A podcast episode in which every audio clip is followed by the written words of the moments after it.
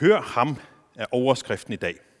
Og det er Guds ord, Guds røst, som taler til disciplene, da de er højt oppe på et bjerg. Det er Peter, Jakob og Johannes.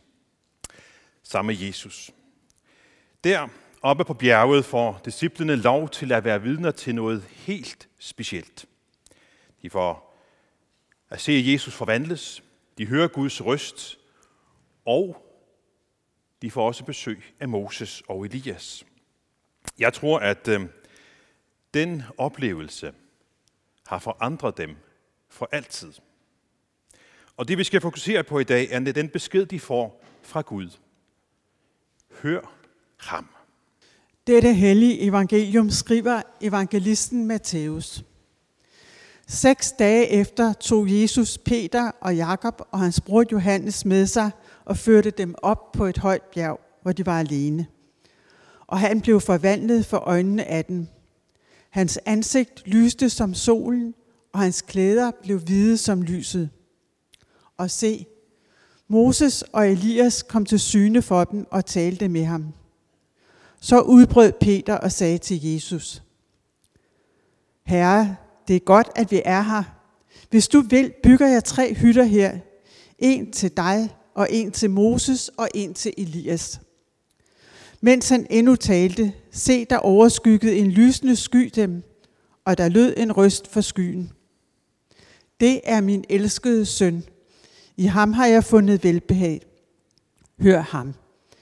Da disciplene hørte det, faldt de ned på deres ansigt og blev grebet af stor frygt. Men Jesus gik hen og rørte ved dem og sagde, Rejs jer og frygt ikke.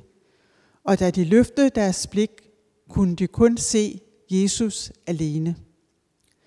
Mens de gik ned fra bjerget, befalede Jesus dem, Fortæl ikke nogen om dette syn, før menneskesønnen er opstået fra de døde. Amen. Forleden blev Joe Biden indsat som præsident i USA. En af hans store opgaver er at samle den splittede nation. En del af splittelsen handler om, hvem man lytter til, hvem man tror på. Vi her på den anden side af Atlanten har måske rystet på hovedet over det, vi har hørt ske i USA. Men vi må huske på, at de forskellige grupper i det splittede samfund handler ud fra det, de har hørt, læst, tror på og mener er sandheden og mener er det bedste for dem og for nationen. Virkeligheden er jo, at vores forståelse af virkeligheden og sandheden er jo i høj grad formet af det, vi hører, ser og tror på. Det her har været en påmindelse til mig om at være omhyggelig med, hvad jeg hører, ser og lader mig påvirke af.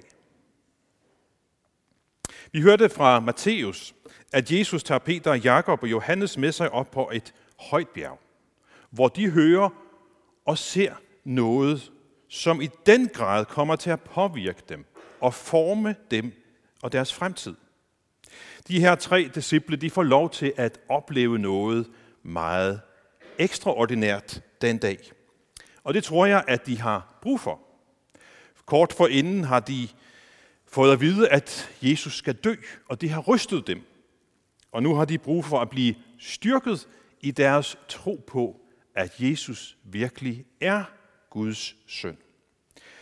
Det her særlige møde på bjerget ryster dem så også, men vender også deres blik på ny til Jesus alene. Da Peter mange år senere ser tilbage på den her oplevelse, så lægger han vægt på, at det er sandheden. Lidt omskrevet kan vi sige, at han skriver til et andet brev, Jeg var der jo selv. Jeg var øjenvidne til denne begivenhed. Dette er ikke en opdigtet historie. Dette siger Peter en del år senere, Måske siger han det kort tid før han selv bliver hængt op på et kors med hovedet nedad.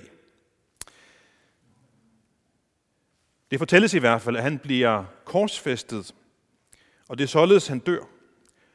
Dør for sin tro på, at personen Jesus virkelig er Kristus, Guds søn. På bjerget der får øh, disciplene tydelige beviser for Jesu identitet. De ser ham forvandles, Moses og Elias kommer, og så det tredje, de hører Guds røst, som siger, det er min elskede søn, i ham har jeg fundet velbehag, hør ham. Hør ham. Lyt til ham. Her får Peter og de andre besked fra Gud selv om at lytte til Jesus. Så er der måske nogen, som vil indvende og sige, jamen, det var nemt nok for Peter. Fordi han får besked på at lytte til Jesus, og det har han gode muligheder for, for han følges jo med Jesus. Vi derimod, vi kan ikke lytte på samme måde, fordi vi kan ikke se Jesus på samme måde. Vi kan ikke følges med Jesus på samme måde, som Peter og disciplene gjorde. Men spørgsmålet er, kan vi bruge den undskyldning? Jeg vil sige nej. For vi har rige muligheder for at lytte til ham igennem det, som de første vidner kan berette og har givet videre til os. Jeg tror, at en af de store udfordringer for os er, at der er mange stemmer, vi kan lytte til.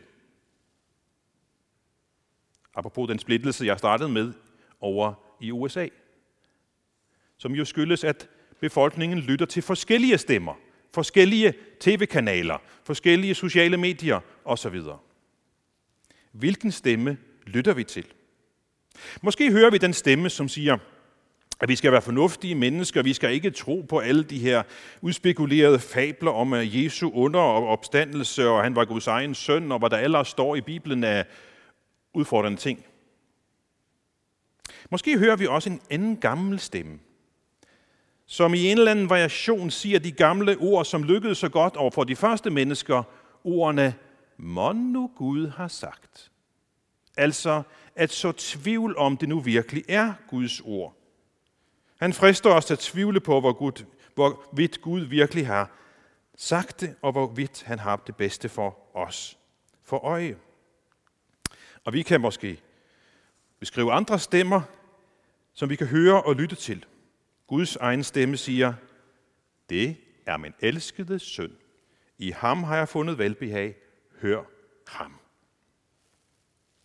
Hvilken stemme lytter vi til? Når vi er til gudstjeneste, hvad enten det er offline, som os der sidder her, eller man er online, så har man rige muligheder for at lytte til Jesus stemme.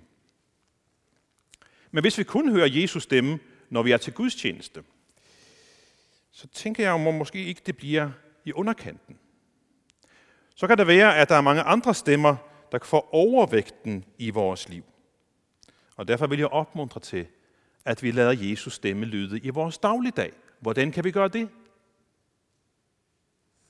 Jo, vi har en bibel. Der er Jesus stemme.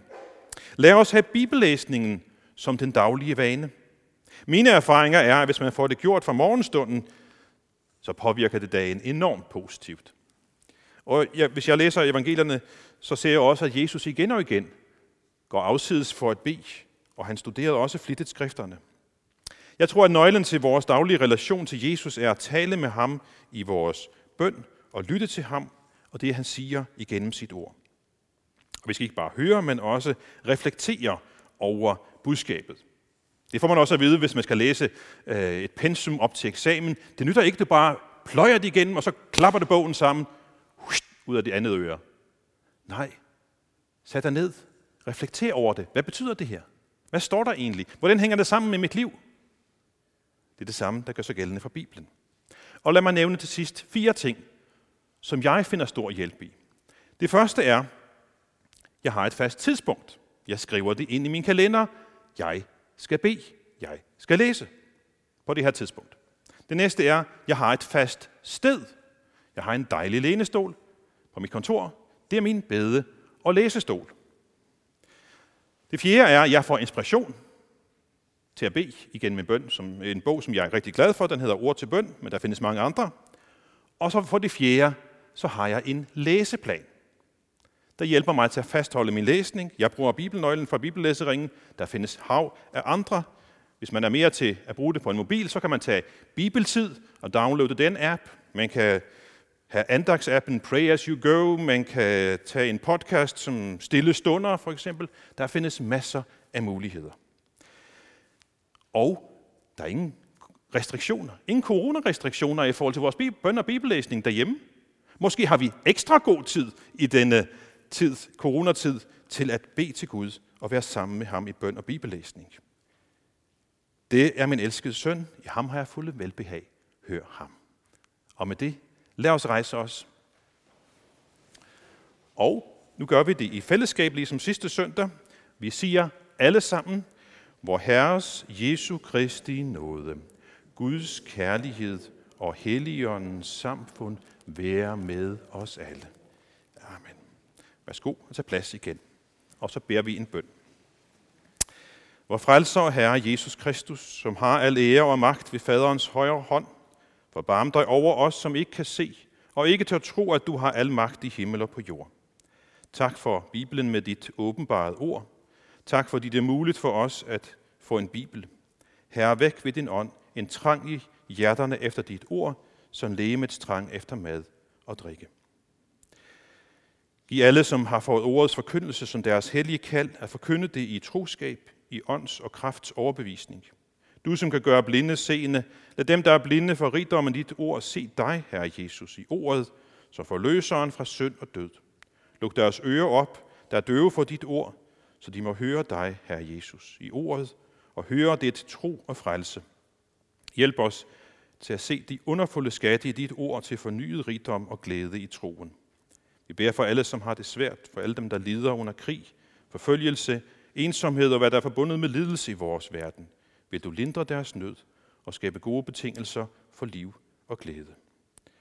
Vis os, at du aldrig lader os være alene i problemer og modgang, men at du altid er nær og bærer os. Vi vil også lægge dronningen og lederne af vores land i dine hænder. Amen.